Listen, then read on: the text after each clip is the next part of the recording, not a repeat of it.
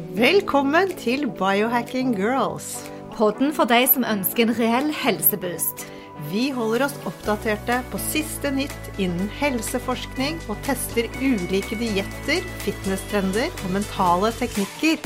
Ja, bli med oss på en spennende reise der målet er å lære hvordan din kropp kan heales, hvordan du kan aldres i revers, og hvordan intuisjonen din kan styrkes, sånn at du tør å stole på egne helsevalg. Det er et tema som alltid går igjen eh, på, på blokken vår når vi skal snakke om ideer til nye podcaster, og det er tarmhelse. Ja, og autoimmune sykdommer er jo òg inn under den kategorien. Så vi har prøvd å gjøre et lite dypdykk inn i forskjellige tarmutfordringer mennesker kan ha.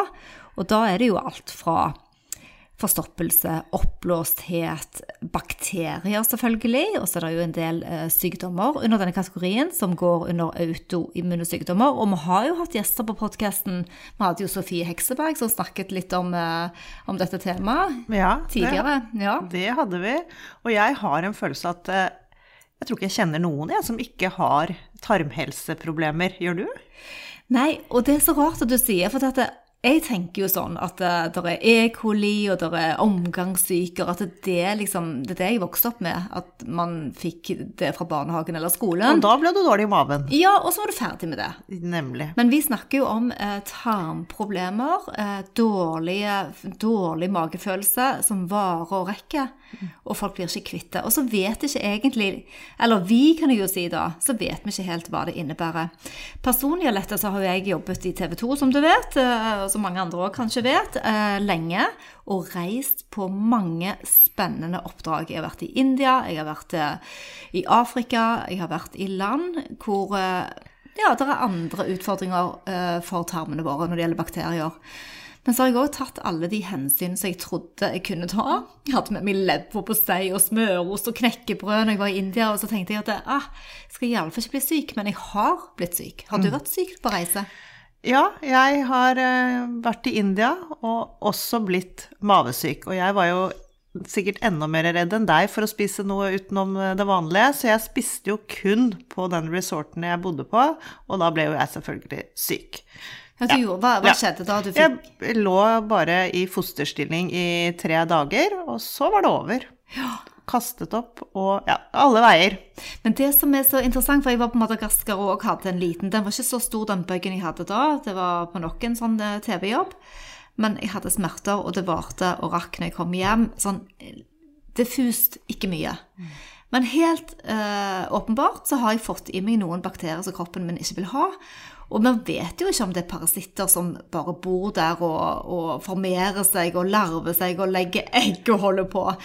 Så i dag skal vi faktisk gå litt inn i dette temaet fordi at eh, vi har personlig interesse. Men ikke bare det. Mange av dere lyttere sender oss om meldinger, og vi har så lyst til å både høre på det dere sier, og prøve å lære mer, og sånn at vi alle sammen kan få mer opplysning rundt dette litt vanskelige temaet. Så parasitter, virus, bakterier, alt det som lever inni magen vår, ja. Er de i tynntarmen? Er de i tykktarmen? Vi skal iallfall komme litt til bunns i dette i dag. Og vi skal møte to ganske så forskjellige, men spennende eh, terapeuter. Veldig. Og de er jo ikke leger. De er ikke leger, men de har holdt på lenge innen sine felt. Vi har med oss Eva B. Andersson, og hun har jo jobbet som terapeut siden 86. Så hun har mye erfaring og møtt mange. Hun er både akupunktør og hun er fotsoneterapeut. Hun er utdannet fra Akademi of Acu Acupuncture. Dette er en naturterapiskole. De siste, men de siste årene, det som vi gjerne vil inn i nå, er jo dette med at hun har jobbet masse med sånn microbiome-testing.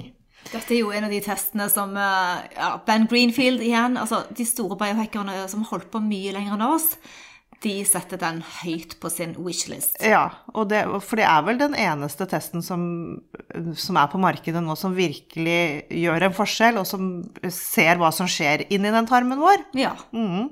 Så det har hun god erfaring med, så det skal bli kjempespennende å høre. Og så har vi også med oss Jarl Roar Simenstad. Han har en veldig lang bio og har også holdt på kjempelenge. Han er bioenergetic health coach fra Tyskland. Han er tankefeltterapeut. Han er nevrorefleksolog. Han er massør. Han er spesialist på lockfoot. Det blir kanskje høre hva det er for noe. Han har mørkefeltsmikroskopieringsanalytiker. Ja. Øreakupunktør. Og han er blodprøveanalytiker, så han vet jo også hvordan han skal lese alle disse prøvene. Ja, så Man kan vel kanskje kalle det for en slags blodanalyse, da. Og jeg har jo faktisk testet mørkefeltsmikroskopering. Eh, Nå var du flink. Og, og sett mitt eget blod, ja, for nå har jeg fått øvd meg i noen måneder. Sett mitt eget blod under dette mikroskopet hans. Eh, men det blir spennende å høre han forklare eksakt hva han ser. For her er det viruser, og det er mykoplasmer, og det er bakterier og covid-19. Altså han har egne program for covid-pasienter òg, så skal vi bare hoppe i det? Vi hopper i det. Velkommen, Jarl og Eva. Vi er så glade for å ha dere med på podkasten vår. Velkommen. Velkommen til Biohacking Girls. Mm. Tusen takk. Tusen takk. Og takk for invitasjonen. Yes, veldig, veldig stor takk. For det som er med dere to, vi har altså hentet inn dere to som har ulike, men kanskje litt like innfallsvinkler. eh, Fordi at dere tenker For vi får veldig mange henvendelser fra folk som sliter. Fastlegen sier at alt er bra, og vi har så veldig lyst til å gå litt i dybden på SIBO og litt alternative måter å møte mennesker som har litt smerter og oppblåsthet og betennelser. Mm. Så først eh, så tenkte jeg at jeg kunne spørre Skal vi ikke spørre Jarl først, da? Om ikke du kunne fortelle oss litt hva egentlig er SIBO? Ja, Hvis vi eh, bare forholder oss til begrepet, så står jo SIBO for eh, Small Intestinal Bacterial Overgrowth. Det er det som ligger i, i den forkortelsen eller begrepet. Så det står jo da for at man har en overvekst av eh, det kan si bakterier du ikke skal i tarmen, eller eventuelt det er bakterier du skal ha der, som det er for mye av. Det er sånn i bunn og grunn det som ligger i det begrepet, da. Og snakker med tynntann, tykktann? Ja, så i og med at eh, man sier da eh, small intestinal, så er det begrepet beskriver da, kan si tynntarm, da. Men allikevel er det en sånn klaff mellom tykktarm og tynntarm. Har det noe sammenheng med tykktarmen òg, eller? Ja, altså eh, vi liker jo eh, begrepet altså, mikrobiome mye bedre, da. Eh, Så jeg og Eva. For det beskriver jo alt av mikrober vi har i kroppen. Så SIBO-begrepet blir jo på en måte litt, litt snevert, på en måte. Det beskriver egentlig bare litt hva det som er eventuelt av, i tarmen av bakterier. Og det er jo eh, masse, masse mer eh, enn bare bakterier. Så, og tjukktarmen har bakterier. Vi har bakterier fra munnhulen ned til eh, tynntarm og tjukktarm. Vi har på hud osv. osv. Du kan bare fylle inn litt. Ja, Eva, kan Ja, ja, Ja, Vi syns at hele begrepet mikrobiom er kjempespennende. For det forteller noe om miljøet av det som er i og på oss, som ikke er oss. Det er altså, Vi har flere bakteriegener enn vi har, altså mange flere bakteriegener enn vi har egne gener. Og vi har hver eneste flate i kroppen er dekket med bakterier. SIBO, eller Small Intestinal Overgrowth, betyr jo da at du har for mange bakterier enn det man tror skal være naturlig i tynntarmen. Um, men det er ikke det at vi nødvendigvis har feil bakterier, vi har bare gode bakterier på feil sted.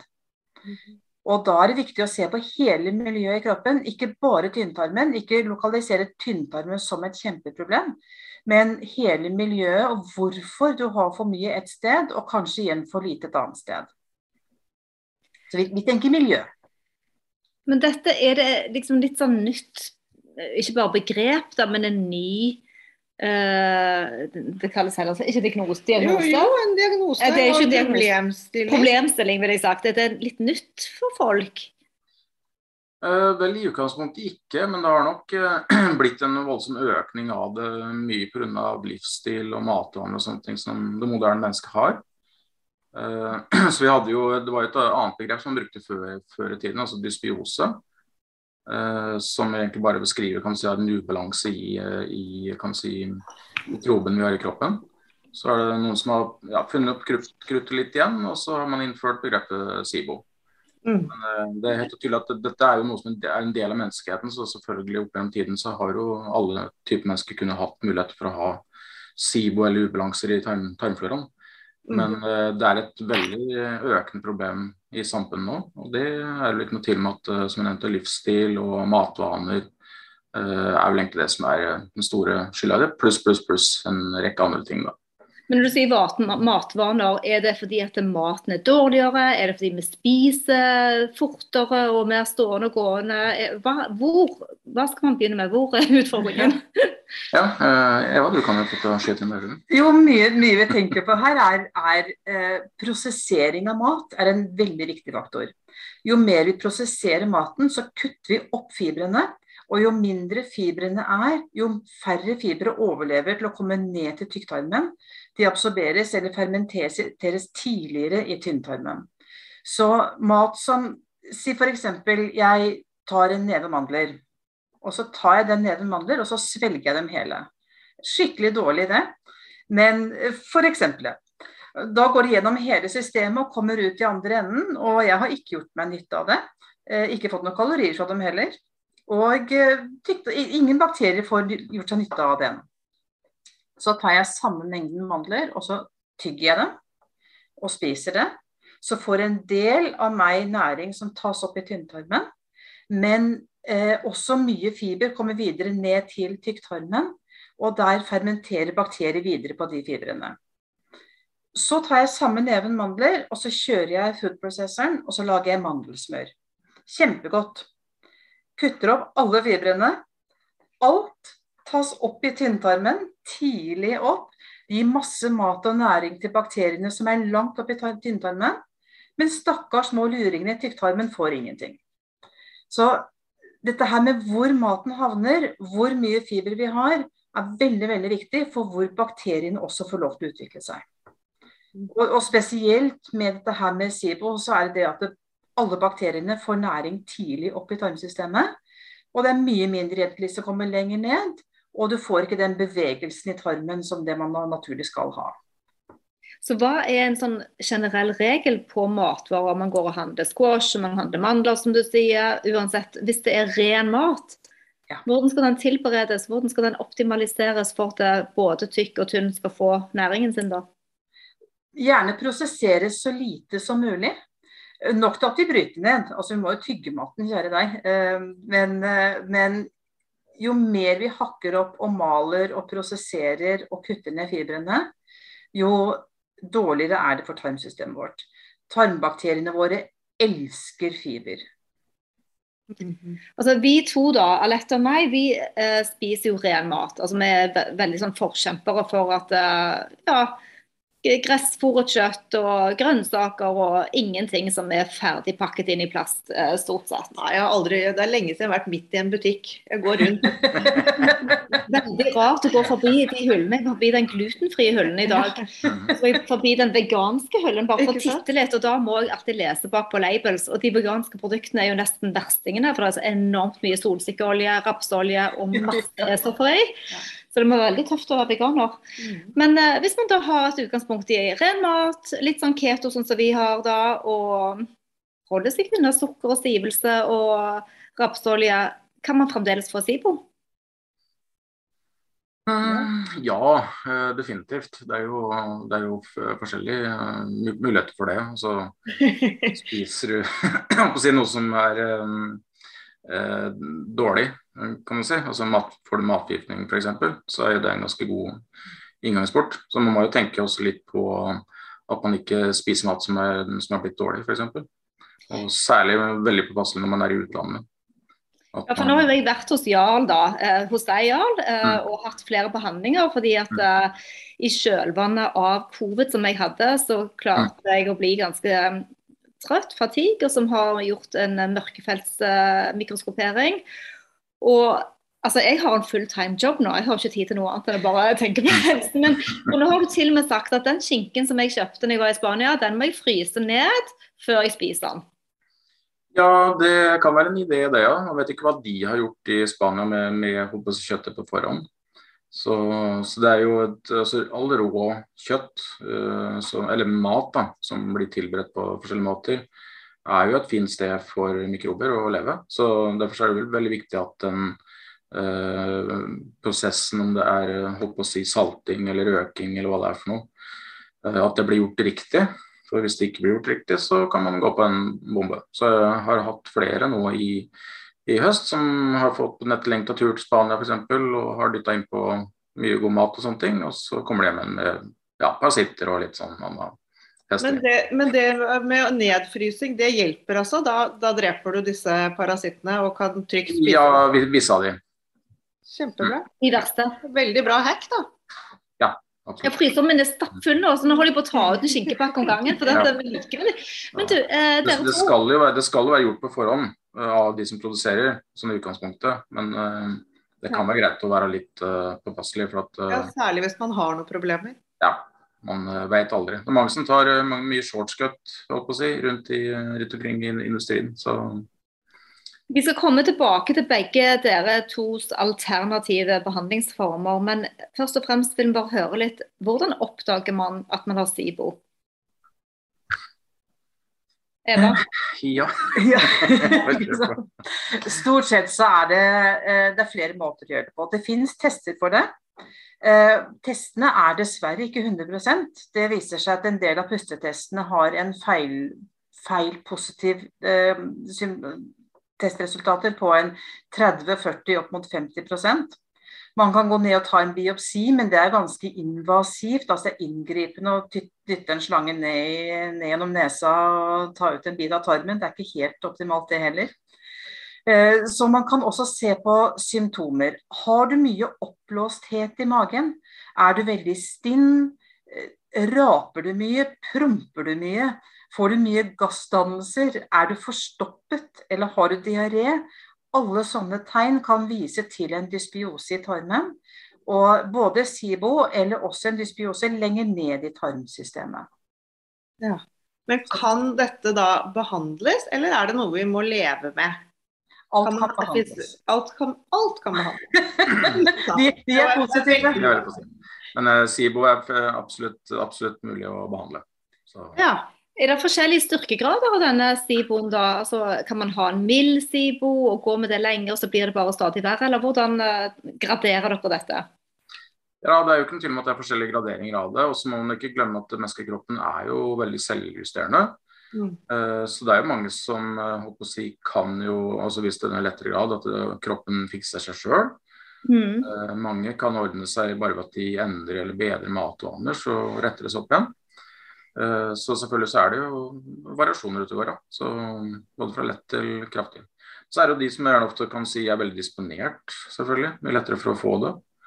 Eh, og som kan slite i lang, lang tid. Men hva med sånne uh, matallergier? Er det også noe man kan få SIBO av hvis man går rundt med udiagnostisert matallergi?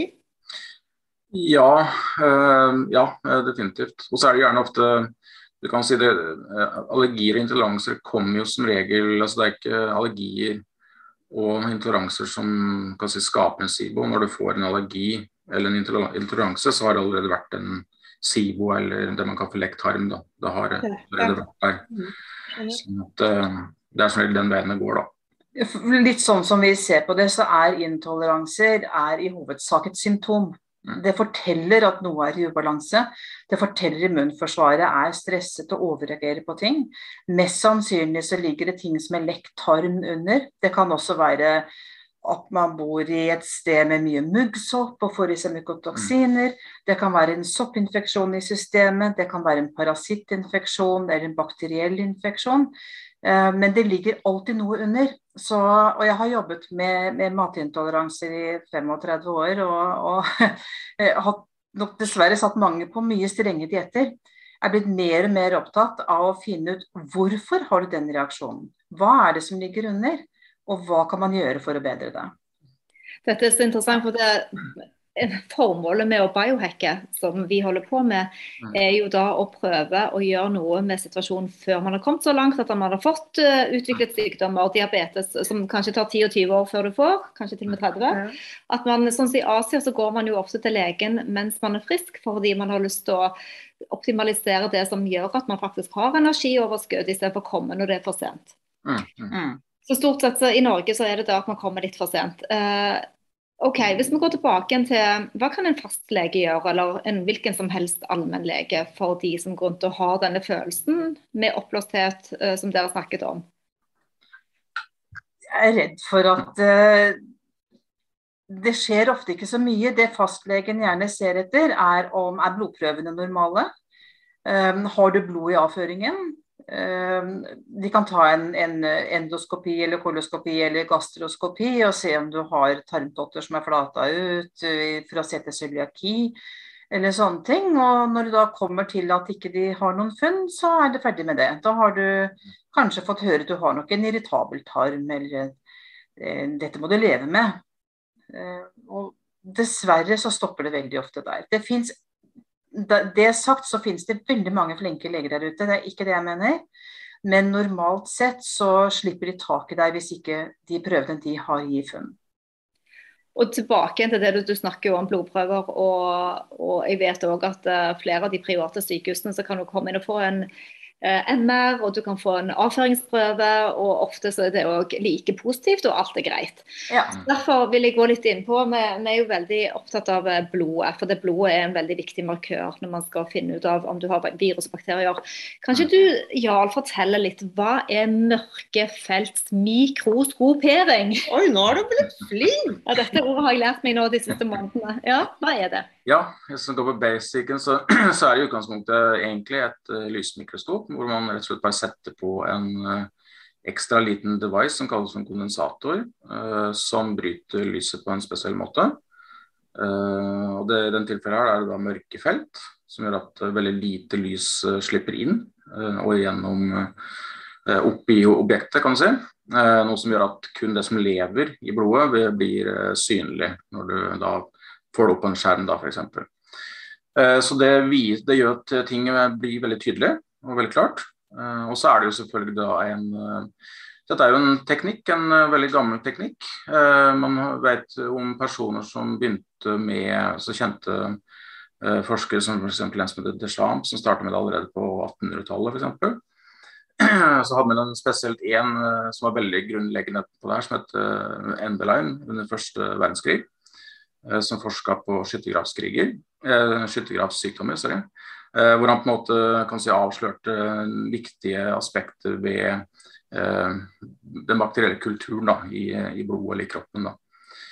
Og så, så er det en metode som har blitt tatt eh, veldig mye bruk, spesielt da i Tyskland blant uh, tyske terapeuter og tyske leger. Så det er en ganske sånn god eh, analysemetode, for, for at du får eh, Du ser kan si mye tilstanden altså I blodet så ser du f.eks. hvordan immunforsvaret fungerer. Eh, det er ikke bare, for En vanlig blodprøve vil jo som regel fortelle deg eh, hvor mye hvite blodceller du har, f.eks. Uh, mens en mørkfeltmikroskop forteller mer om kvaliteten for eksempel, på de hvite blodcellene. Noe som kan være veldig viktig. Du kan ha mer enn nok av hvite blodceller. Men hvis f.eks. De hvite blodcellene er bitte små, så er ikke det en bra, bra ting.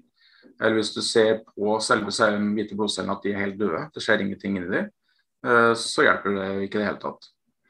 Uh, så sånne ting er veldig viktig funn da, for å se. Man kan se uh, mye forskjellige organbelastninger. Lever, nyrer, bukspyttkjertel, hormonsystem. Sånne ting som er viktig ja, for å se hvordan de, de fungerer, eller om de er veldig belasta. Veldig mye tegn inn mot fordøyelsen. Uh, Bl.a. da du kan se indikasjoner for på SIBO. Uh, så, så veldig mange av de tingene man ser der, er veldig, sånn, veldig gode uh, indikasjoner. Da. Uh, så Hvis man eksempel, la oss si du finner en, at du har, en SIBO, så kan man enten velge da å sette i gang og behandle på det på generelt vis. Eller hvis man da f.eks. har lyst til å vite mer om, om den SIBO-en, hvilke bakterier eh, for eksempel er det som er i, er i ubalanse, eh, så kan man gå videre og ta andre tester f.eks. Men la Men oss, jo La oss Ja. komme tilbake til mørkefeltsmikroskopering. Jeg vil bare høre, Eva, hva tenker du at du kan eh, opplyse om oss, så utfylle det som Jarl sier? For du har jo denne microbiome-testen som er veldig populær blant biohackere. Og den har du her i Norge, og vi gleder oss litt til å teste. Men kan, hvordan, for dere jobber jo litt eh, sammen, men selvstendig. Hvordan kan du utfylle, så vi forstår litt av det bildet som eh, dukker opp da hos Jarl? Hvis han da ser at du har indikasjoner på at det kan være lektarm eller det kan være, være en eh, ubalanse dysbiose, så kan man sende inn en avføringsprøve som type mikrobiomtest. eh, Som gir veldig veldig utførlig rapport på hva som ligger under av forskjellige bakterier. For det forteller masse om balansen mellom bakteriene våre. eh, Hva vi har mye av, hva vi har for lite av, om vi f.eks. har mye metangassproduserende bakterier eller hydrogensulfidgassproduserende bakterier. Jeg nevner dem, spe- Ja. Jeg nevner dem spesielt fordi at de er veldig aktivt inne i SIBO-problematikken. Ja, jeg vet, men kan du forklare sånn at vi skjønner litt hva det betyr, egentlig? ja, det må du gjøre. Lykke til. Ja, takk. Det er visse bakterier som, eh, som vi har som fermenterer visse matvarer, altså fordøyer visse matvarer og produserer gasser. Eh, I SIBO så ligger disse bakteriene ganske langt opp i tynntarmen og ikke så mye ned i tykktarmen som de burde gjøre. Men igjen, der er testene litt vanskelig å være helt sikre på, fordi at de måler hva som går ut i blodet, og så puster vi ut via blodet om vi har høyere nivå av gassene. Og eh, det kan også skje hvis det ligger i tykktarmen. Mm. Så, eh, men også når det er sagt, så er det ikke bare dårlig å ha gass. Nei. Vi liksom hører at vi ikke skal ha noe gasser, det er ikke noe bra. Men. Det fins noe som heter gassotransmittere. Altså Dvs. Si at kroppen bruker metangasser, og den bruker karbondioksid, og den bruker hydrogensulfidgasser til et signalstoff. Og noe av tingene det gjør, er at det påvirker cellemembranet, kommer seg gjennom cellemembranet og stimulerer mitokondriene våre, som faktisk produserer energi for oss. Så Mm. gassproduksjon er ikke bare at det er pinlig å gå rundt og prompe litt, men det er faktisk det at det stimulerer energien vår. Og disse bakteriene er, som de sier på svensk, det skal være presis lagom. Det skal ikke være for mye, og det skal ikke være for lite. Nemlig. Ja, og Det kan du få et veldig godt bilde av med en sånn test, om du har for mye eller for lite. Og ut ifra det så kan du komme med et opplegg. Og ofte så kan mye og lite gi ganske lignende symptomer. Det er derfor det er viktig å teste. Ja. Ja, ja, nei, ja, det var egentlig det lagom jeg var ute etter. For hva er for mye, og hva er for lite? Og så, og så er det ikke Da noe liker jeg godt også lagom. Da skjønte jeg hva du mente. Ja, nettopp. Men er det sånn at man trenger begge deler, både mørkefeltsmikroskopering og microbiome? Er det best å satse på begge, eller kan dere da snakke litt sammen og tenke at nei, du trenger faktisk ikke ta den microbiome-testen, for jeg ser nok på mikroskopet her? Ja da, det, man trenger ikke nødvendigvis begge deler. Det jo, men det er jo litt som at hver enkelt. holdt på å si. Noen vil jo gå veldig i dybden. Så veldig mange av de jeg har eh, på mikskopiering hvor jeg finner de sånne eh, se- tegn på, da, så, så klarer vi jo stort sett å få fiksa opp i det. Så, så ja, så det, det går greit utenom. Så Nå er jo ikke disse to testene så veldig dyre. Altså, jeg syns jeg satt i to timer hos deg Jarl, og Mm. var et par tusen kroner og fikk veldig mye informasjon. Altså, Jeg har fått mer informasjon om mitt eget blod enn jeg har gjort på alle blodprøver. Og hele ditt liv. Jeg ringte Alette Ja. annenhver liksom, eh, gang jeg, jeg har vært der to ganger, da. Men um, så et par tusen kroner, og det samme gjelder jo den microbiome-testen. Det er ikke sånn kjempe Altså det er jo mye penger for folk, men med tanke på hvor mye supplementer man bruker for å dempe, så, så må man bare liksom kalle Ja. spaden spade her. Men allikevel, eh, det er jo veldig lett å gå seg litt vill. Altså Man stoler på fastlegen, og så er det så mye testing og så mange alternative behandlingsformer. Hvordan vet vi at ting virker, og hvordan kan man liksom kjenne at hvis jeg virkelig skal gå inn og bruke 2000 kroner på dette, at det er verdt pengene, at det ikke er humbug, og har dere historier som viser at eh, dere har fått suksess parasitter, virus, bakterier, SIBO? Har dere, noen, ja, har dere noen pasienthistorier dere kunne dele? Bare for å høre litt, hva som eh, ja, jeg var vel ikke helt forberedt på det. Men ja, eh, vi kan jo selvfølgelig ikke si navn, da. Men eh, Nei, Du, nei, nei. eller bruke din egen historie. Dere Ja. har jo begge to egne historier. eh, Litt kort fortalt, liksom. Se om det er noe som har eh, interesse for oss? Ja. Uh, min historie er jo egentlig veldig omfattende og, og voldsom. da. Uh, for jeg hadde jo veldig alvorlig ME uh, for noen år siden. og på en måte også, Det er et veldig sånn, godt eksempel egentlig på hvor, hvor, hvor tidlig altså helseplager kan starte. Jeg begynte å få tarmproblemer da jeg var 15, eller irritabel tarm. og den store smellen kom ikke før jeg var 30. Så det tok jo sin tid. Og, og, før der så hadde jeg levd et rimelig heftig, eh, aktivt, eh, stressa liv. Eh, hvor jeg overhodet ikke tok hensyn til meg sjøl. Ja. Men bare de ambisjonene jeg hadde. Så, så, det, så menneskekroppen er jo sterk og solid og kjemper tilbake. Men til slutt så, så er det nok. Og da gikk jeg i dvale i seks år i seks år. Og, men var det mørkefelts eh, mikroskopering som hjalp deg? Nei, eh, jeg var ikke borti det på det tidspunktet. Så det var noe jeg begynte med på et senere tidspunkt. Jeg begynte som terapeut selv. Så jeg var innom en del andre men jeg var innom kan si, eh, gode terapeuter, sånn som f.eks. naturterapeuter, biopater, heilpraktikere. Noe som alle f.eks. det Eva har som bakgrunn. Dette er jo si, terapeutgrupper som har en veldig solid utdannelse. Eh, og veldig bred utdannelse. Så, så, har man alvorlige helseplager, så er det for min erfaring at uh, hvis man ikke får hjelp eh, hos, uh, hos, legene, og man vil søke hos alternativet, så er sånne ofte en god sted å starte. For de har ofte såpass uh, bred kunnskap og dyp kunnskap, og kan veldig mye. Og, og også fortsatt til behandling, testmetoder osv. Og, er også veldig, og veldig mange av dem er også veldig flinke til altså Hvis de selv finner ut at ok, her, det problemet du har, det kan ikke jeg fikse. Men veldig mange av dem har såpass mye kunnskap at de vet hvor du bør gå videre, eller hvilke andre du bør oppsøke. Så Det er noe som begge vi også er veldig sånn opptatt av ydmyk av. At vi, vi, må erkjenne der vi har våre egne grenser. Uh, men at vi også da uh, har god kunnskap om andre terapier og terapeuter, hvem som er flinke, hvilke terapier som er bra. Sånn at vi kan sende klientene videre og få hjelp andre steder. Ok, så Eva da, Hvis du har tatt en microbiome-test på en ja. legg, jo... hva gjør du da? Ja. Ja, jeg, kan, jeg, kan, ta et eksempel, siden du spør om egne ja. erfaringer. Um, jeg fikk tilbake min første test, og det viser seg jeg hadde ja, 98,5% med en type familiebakterie som heter firmicutes. Og firmicutisene, firm and cute, eh, jobben deres er å eh, servere kalorier. Vil si at jeg kunne ikke gå forbi kjøleskapet uten å legge på meg en halv kilo. og det var liksom helt klart det bildet, pluss at jeg hadde veldig lite bakterier som da eh, klarer å bryte ned stoffene uten å servere så mye kalorier. Så jeg måtte legge om en del, få i meg mye mer fiber, øke aktivitetsnivået, trene, faktisk være aktiv hver dag. Og neste testen så var det mye mer balansert. Og da rant det 15 kg av også samtidig. Ja, Vi har hørt om denne bakterien, så det er jo helt utrolig at det, det er sikkert Vet du hvor mange som går rundt med dette?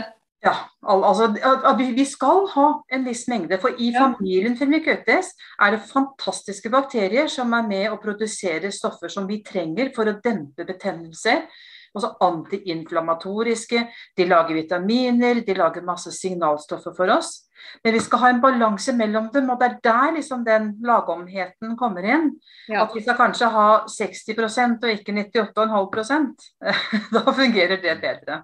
Mm. Og det er jo mange som er på kurs med oss òg, som har denne keto, ja, med coacher på keto, da, eh, som ikke klarer å gå ned i vekt. og da vi skjønner det ikke, for matematikken ligger rett foran deg. De skal ha 70% med fett. og ja, det, det, er liksom enkelt. Jeg er klar for å si noe nå. ja, høre, få høre, Eva. Ja, det, det, litt jeg tenkte i stedet spurte, Går det an å få SIBO eller går det an å få sånne problemer selv om du lever kjempebra på uprosessert mat, her ren mat, hel mat, rent vann, trening, eh, alt sånt? Ja, noe av problemet er jo også bevegeligheten i tarmsystemet vårt. Og veldig mange med keto går inn i low, low carb, high fat. Og så får man faktisk lite fiber. Og bakteriene våre og tarmbakterien, tarmbevegelsen, trenger masse fiber for å klare å bevege seg. Så for å klare å dytte tarminnholdet fra tynntarmen og nedover i tykktarmen, så er vi avhengig av å ha en del fiber som igjen fôrer bakterier som øker mobiliteten. Hvis du kombinerer det med passelig mye stress, det er det noen som sliter litt med, så mm. går den tarmen enda saktere. Og man får en opphopning.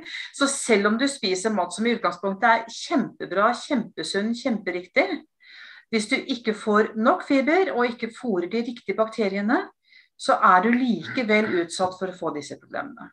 Og Dette er jo viktig i forhold til styre og base. Og jeg bare si det da at alle som jeg, ja, alle som jeg har jo den der keto-utdannelsen fra dr. Eric Berg, og vi har jo faktisk mer uh, veg vegetables. altså Vi har jo 5% i tillegg til vann. Greens, det, det kan ja. spise ustoppelig av. Og cruciferos. Så vi har eh, ja, Veldig bra. Veldig bra. For Det er veldig mange som misbruker den tittelen med keto og keto-kursing. For det alle tror at keto er keto, men det er det altså ikke. Mm. Så, så, vi er helt enige at den fiberen må inn, men mindre ja. skal drive med elimineringsdietter og sånn. Men hva var det du hadde noe ja, det var, eh, for hun nevnte det, I forbindelse med mikrobiomtesten så var det jo noen bakterier man kunne oppdage som er veldig viktig for å uh, fordøye metafett, fett som man kan få, få for lite av. Ja, vi har type, type bakteroides som vi også trenger for å, for å fordøye fett. Og hvis du har veldig mye av, av f.eks. firmikutis, så sliter du med nedbrytningen der. Og hvis du får mye, mye mettet fett og lite umettet fett, så plutselig så kanskje vi går i underskudd av en bakterie som heter akemansia, eller akemansia mucinifila, for å være litt spesifikk. Eh, som stimulerer slimhinnene våre, så vi stadig har flotte, sterke, fine slimhinner. Og det er også en bakterie som er med og bidrar til vektnedgang. Så hvis du spiser mye mettet fett og får for lite umettet fett, så kan det også bidra til at de bakteriene som stimulerer vektnedgang, blir borte. Aha. Så dette er jo en parallell reise. Vi må rydde opp i eh, parasitter og for mye overvekst av bakterier. Samtidig så må man ha probiotika og balanse hele veien. Det skal være så lågomt som bare det. ja, ikke sant. Og probiotika, og, som da er bakteriene. Ja. Prebiotika, som da er maten til bakteriene. Og jaggu har ikke funnet ut at du trenger postbiotika. Ja, Det har jeg hørt at vi også trenger. Fortell oss, fortell oss om Hva er det? Postbiotika det er endeproduktene som bakteriene produserer. Og har vi et godt mikrobiom, så, vi, så gjør bakteriene dette for oss. De produserer kortkjedede fettsyrer og vitaminer og signalstoffer og lagomme gasser og alt mm. sånt som vi trenger og bruker. Men hvis den tarmfloraen er helt ødelagt, og du kanskje har gått på antibiotika, eller du har hatt en langvarig diaré, så er tarmen så irritert at du klarer ikke få de probiotiske bakteriene til å flytte inn og til å lage et godt miljø. Så kan man i en overgangsperiode tilføre postbiotika, altså endeproduktet til bakteriene, som kan gi en betennelsesdempende effekt og roe ned tarmsystemet. Så tar du det da etter at du har spist? Du tar det gjerne i forbindelse med, med måltider. Med måltider, ja. ja. Altså, i, i da, som, som, tilskudd. Ja, som tilskudd, ikke sant? Ja, I en overgangsfase for å komme i balanse igjen. Ja. For, for, ja. ja. for jeg er jo faktisk litt interessert i hvordan dere jobber med klientene deres. Hvordan, hvis jeg kommer da, og så har jeg, er skikkelig oppblåst eh, i perioder, og så er jeg mye gass i andre perioder, hvordan vil du liksom lagt opp da for meg for å, ja, etter at jeg har tatt denne prøven, og du ser at jeg mangler sånn og sånn. Så gir du meg tilskudd, eller gir du meg en matplan, eller hvordan følger dere opp pasientene? Ja, for, for min del i hvert fall, så, så, går vi jo selvfølgelig litt, litt gjennom det med kosthold og sånne ting. Uh, og endrer litt på, på det. Uh, prøver også å fjerne de tingene som kanskje ikke er bra. Og så kan si, fokusere på, på det den personen bør spise. da. Prøver ikke å gjøre ting for komplisert. For det, mange kan dette litt av lasset hvis det blir for mye kan si, forbud og påbud og masse sånne ting. Uh, men at du i hvert, fall, i hvert fall i begynnelsen tar tak i de, de viktigste tingene. Uh, for dette her er jo for veldig mange så blir det gjerne ofte at de må gjerne legge om en livsstil. og det kan ta litt tid. Sånn at man ikke, ikke er for voldsom i starten. Men som, som etter hvert når en klient kan si, blir vant til nye ting, så, så klarer de si, å legge til nye ting for hver gang de kommer tilbake til en konsultasjon. Da.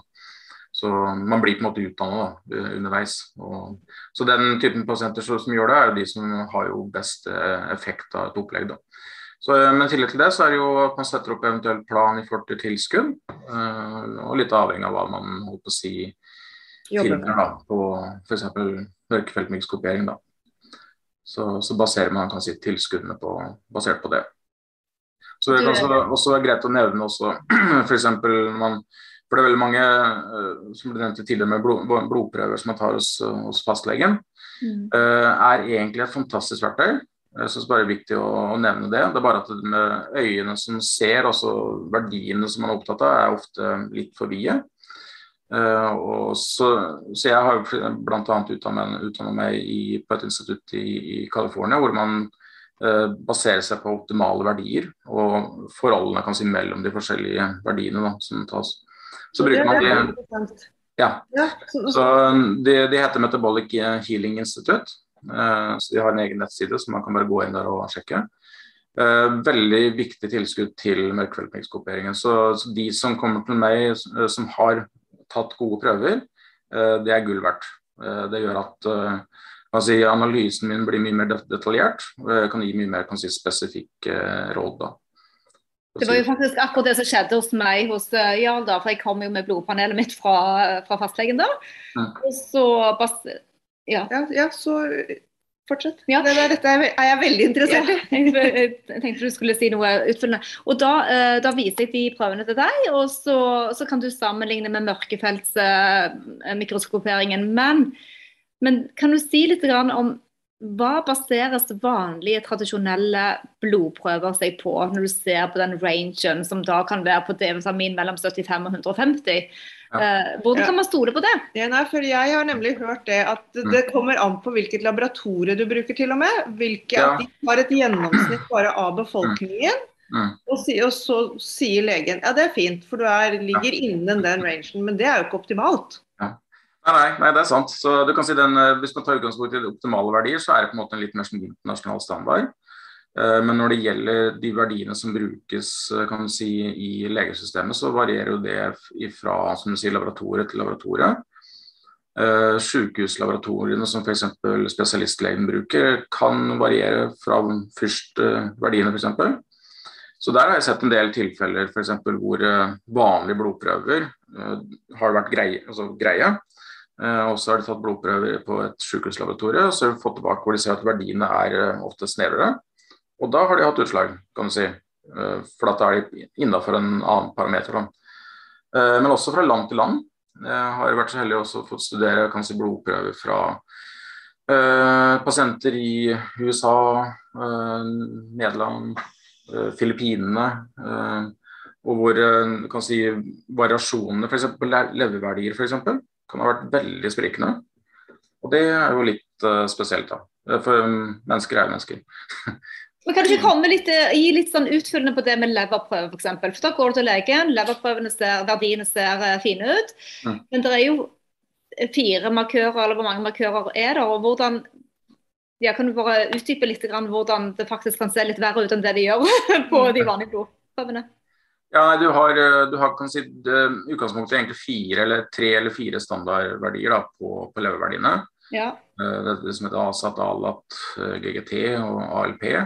Mm. Eh, og så kan også albumin f.eks. er en, en nyttig leververdi. Ja. Eh, så, så, de har jo da en viss eh, kan du si, parameter å gå ut ifra. Så, men ja, hva du tenkte på? Nei, jeg bare tenkte på at da, Hvis du ser på alle de fire verdiene på alle arter de du snakker om nå, så, så, så, kan du da få et bedre bilde? altså. Istedenfor bare å se på det generelle. Ja. Hvis jeg sammenligner med mørkepulsmikroskopering, så ser jeg jo selvfølgelig veldig gode indikasjoner på leverbelastning. Ja. Eh, men de verdiene gir jo mer sånn spesifikk uh, beskjed om hvilken deler kan du si, av leveren som sliter. Fordi disse verdiene representerer jo kan si, forskjellige f.eks. For enzymer da, som er viktig for at leveren skal, skal, fungere normalt og gjøre de prosessene. Så, så det gjør at hvis du for eksempel, da, Du kan gjerne ha La oss si jeg for ser på mørkfeltmikroskopet, at du har en leverbelastning. og Så går jeg inn og ser på leververdiene, så er kanskje tre av de bra, men så er en av de f.eks. lav eller høy. Og Da har du liksom en veldig sånn klar markør. Og da kan du gå inn der og si ok, du trenger faktisk eh, mer B6 du, f.eks. Og så kan man gi det, og så begynner leveren å fungere igjen som den skal. Og Da har vi et spørsmål til Eva da, for å utfylle det du snakker om med leveren. Hvordan spiller leveren inn da i f.eks. diagnostisering eller å finne ut om du har SIBO eller ei? Leverfunksjon og lever-gallefunksjon, jeg tar med det, den også, ja, er, ja. er også veldig veldig viktig. For det har med nedbrytningen av mat å gjøre. og Gjør at du faktisk utnytter næringsstoffene selv, og ikke fôrer bakterier lenger ned. Også en ting som man ser med dette med mikrobiom i forhold til lever, jeg måtte bare ta et par ord om det òg, ja, er at vi har, altså, vi har mange bakterier som gjør mange jobber som vi ikke trenger å gjøre selv. Vi har eh, egentlig relativt få gener selv, eh, omtrent på nivå med en meitemark. Eh, som er våre gener. Men vi bruker bakterienes gener til en lang rekke funksjoner. Og noen av bakteriene vi har, hjelper oss å lage enzymer som avgifter. Sånn at avgiftningen skjer både i lever, men også lenger nedover i, av, av stoffet fra bakteriene våre. Og en lever som ikke fungerer veldig godt, eller en galleblære som eh, ikke fungerer godt, eller en fortetning eller en blokkering i gallen og utskillelsen av enzymer fra galle- og bukspyttkjertel, vil igjen gjøre det at vi er mer utsatt for SIBO og betennelse oppi tarmsystemet. Du, Til lytterne der hjemme som nå sitter og hører på, og det er kanskje noen som bor eh, langt vekk i stedet og ja, i det hele tatt eh, kanskje ikke har råd eller lyst til å ta tester. Kan dere gi et skikkelig godt råd hver til hva de kan ta fatt på hvis de går rundt og har denne følelsen av at noe ikke stemmer?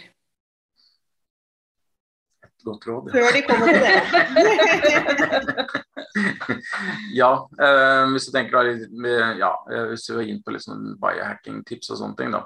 Eh, noe som jeg faktisk vil si som er veldig nyttig å ha eh, tilgjengelig eh, hele tiden, som er en veldig sånn god start, mm. er bitterstoffer. Ja.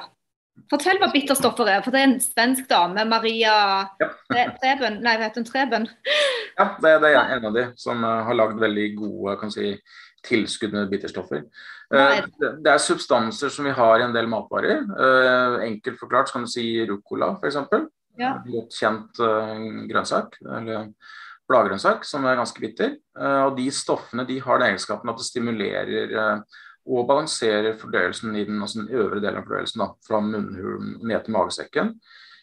Men også galleblære, gallefunksjon og delvis også lever. Uh, og Det som er det veldig fine med uh, kan si, bitterstoffene, er jo ikke bare at det stimulerer fordøyelsen, setter i gang kan si, enzymproduksjon, men også det veldig balanserende på f.eks. magesyre og sånne ting. Uh, så Det er noe som er veldig gull verdt å ha tilgjengelig. og Da kan man enten spise det i form av da, bitter mat, men etter ruccola, endiver Du kan spise altså urter generelt sett, er jo stort sett bitre i sesong så løvetann, f.eks. Løvetannblad. Mange ser på som ugress, men det er helt fantastisk. Det skal vi dele ja, eller, eller, roten. Ja, vi skal dele et bilde av bitterstoffer uh, på, på, storyen vår på Instagram. Jeg, jeg, jeg, fikk jo smake ja. din i går, og det var jo også veldig godt. Det var ikke noe strengt å ta. Nei. Og hvis du spiser såpass mye kjøtt uh, og proteiner, da, mm. så er det bra for å opprettholde den balansen på syre og base som du nettopp nevnte, Jarl. ikke sant? Ja. Uh, har du et biohack til oss, Eva, som, uh, som, du tror alle kan teste ut eller gjøre hjemme eller finne ut av? Er det noe du syns er liksom ekstraordinært? Ja, både ja og nei. Det er jo ikke sånn at one size fits all, for sånn er det ikke. Men er det ting vi alle kan være bevisste på, så er det litt generelle ting. For det første, tygg maten godt. Bra. Godt tips. Det er punkt nummer én. Drikk rikelig med rent vann. Hvor mye? Veldig forskjellig, men man sier kanskje rundt 5% av kroppsvekten i væske hver dag. Ja. Så kan man begynne å regne, og så regner man overvektig eller undertørst. Bra. Uh, pass på, uh, vi må ikke gresse hele tiden. Vi kan la tarmen få hvile innimellom. Så en form for intermittent fasting er for at man har en periode i døgnet på en 12-15-16 timer som man ikke spiser Eh, det reduserer risikoen også for SIBO, fordi at du får tømt en cellerensende system i tarmen. Du får tømt tynntarminnholdet, også med bakterier, ned i tykktarmen før du fôrer bakteriene på nytt igjen. Og så pass på at man får i seg nok med omega-3. Vi er ikke så flinke på det. Men umetta fett og gode, gode essensielle fettsyrer som omega-3 er viktig for de aller fleste av oss. Nydelig. Jeg har lyst til å spørre Jarl helt til slutt om denne her leiren. Ja. Du tipset meg på at jeg har lett til å kunne kjøpe en leire. Kan du, ja, du ta det fra starten. Hva er det? Hva slags fransk leire? Eh, ja, det er jo leie, altså, det er en, man kaller det en grov grønnleire, som er fra, fra Frankrike. Eh, firma som er Argelets, da, som det er feil å si produserer, for det jo, naturen har jo produsert det for lenge siden. Ja. Eh, men de utgjør, holdt på å si. da. Eh, så det er jo så leire, eh, eller ting som er i jordsmonnet, inneholder jo veldig mye substanser som, som, kan være veldig gunstig for menneskekroppen. Det, det er alltid fra bakterier til mineraler etc. etc. Og ja, rekke andre stoffer. Man kan jo snakke seg grønn, grønn om det.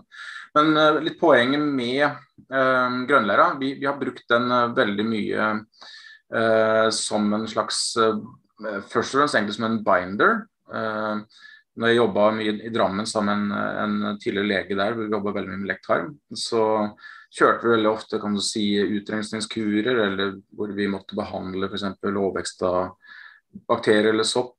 Uh, og sånne ting fører gjerne ofte til at man får mye avfallsstoffer i kroppen.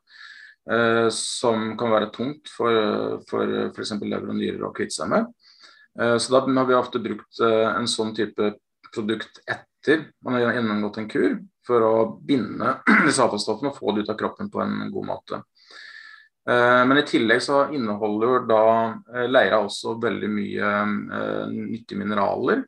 Det er jo naturlige mineraler, så det er noe som er lett for kroppen å ta opp. Den er spesielt veldig rik på silisium, som er et mineral som er veldig nyttig for å bygge opp en slimhinne. Så vi ser veldig ofte mange klienter når de, når de eh, går på en kur med leire, at de, de får mye mindre smerter og oppblåsthet og sånne ting i, i, i tarmsystemet. Eh, fordi at det er med på å si, både bygge opp en slimhinne og, og dempe betennelse i tillegg. Hvordan bruker man den leiren da? Skal man ta den på ansiktet, eller eh, skal man lage ja, det, det, kan du eventuelt gjøre etterpå, men det man er veldig enkelt man gjør, at man, man, man tar vel en ca. sånn tre teskjeer, altså plast eller, eller, eller uh, treskje. Ikke metall, ja. Nei, ikke, ikke metall. Uh, har det et glass med vann, og så skal det stå over natta. Og, og da vil leira synke ned på bunn. Sånn at du har igjen si, litt sånn klart vann på toppen. Eh, og det vannet som er på topp, det drikker du på tom mage. Da kan du da eventuelt eh, bare fylle opp en glasset, eh, og så kan du ta en glass igjen på kvelden f.eks. Men den leiren som ligger oppi der, den har òg næring, så vi kan putte den baki da? Ja, den er veldig fin på spesielt to ting. Du nevnte hud. Hvis du vil ha en ansiktsmaske med leire, så kan du bruke det til det. Ellers er jo planter veldig glade. Så hvis du har mye planter eller har en hage, så kan du gjerne da putte det i, i jorda. Så får eh, plantene også næring på den måten. Hvor, hvor, får man kjøpt dette leiret? eh, Det er, I Norge nå så er det et firma som heter Natur og helse. Det er natur-helse.no. Nydelig. Ja. Så det er de som har den. De, de selger kun tre, tre kilos poser. Den koster rundt 500 kroner. Men det har du i lang, lang tid, så den kan du ha med deg Men dere to, dette har vært så spennende og så utrolig gøy. Og tusen, tusen takk for at uh, dere tok dere tid. Men nå er jeg sikker på at dere, det er så mange lyttere her ute som lurer på hvordan kommer vi i kontakt med dere? Feel free, bare pimp it out. Hvor er dere? Ja, uh, jeg jobber på Du kan finne meg på amedisin.no, uh, som er alternativ medisin Røa. Eh, som da ligger på Røa. Eller så har jeg egen nettside, eh, helhetsterapeuten.com. Og så er jeg her eh, som hvor Eva har jobbet, på Helhetshelse, som er da helhetshelse.no. Nydelig. Og du da, Eva, du er jo her da? Ja? Jeg er her på helhetshelse.no på Majorstua. Eh, de vanlige testene jeg tar, krever at folk kommer inn og, når vi snakker om matintoleranser og sånt. Men mikrobiomtester kan sendes inn. Der er vi ikke avhengig av å være fysisk til stede. Mm. Så det kan sendes inn, og man kan gå inn i resultatet på Zoom eller telefon. Okay, Eva, ja, Eva at helhetshelse.no. Eva at helhetshelse.no. Så det betyr at eh, ja, for folk som bor litt lenger utenfor Oslo, så kan man faktisk få testet seg eh, med en Zoom-call etterpå. Nettopp. Vi har en del av dem som folk som ikke kan eller har muligheten til å komme inn. Selv om vi alltid syns det er veldig hyggelig å møtes ansikt til ansikt, så eh, henger vi litt med i tiden da. Ja, det er bra. Du, eh, sånn helt på tampen, for Vi lurer på, vi tester jo veldig mye, du og meg, Alette. sant? Og Det vanskeligste med å teste er jo ikke testen i seg selv, men det er faktisk å tolke disse resultatene etterpå. Ja. Kan man òg sende inn resultater på forskjellige blodprøver og ting, analyser, så dere kunne eventuelt vurdert for mennesker som har lyst på ja, en veiledning, da? Absolutt. Ja. Det, går an. Eh, det står litt om, om det på oss på nettsiden min også, hvor jeg også har liksom muligheter der for, eh, for sånne, sånne, sånne løsninger. da. Kjempefint. Eh, Du, dette var så interessant. Vi gleder oss til å høre enda mer fra dere, og er så glad for at dere kom på podkasten vår. Ja. Tusen millioner takk. Tusen takk. Tusen takk for at du fikk være med. Ha det bra! Ha det. Ha det.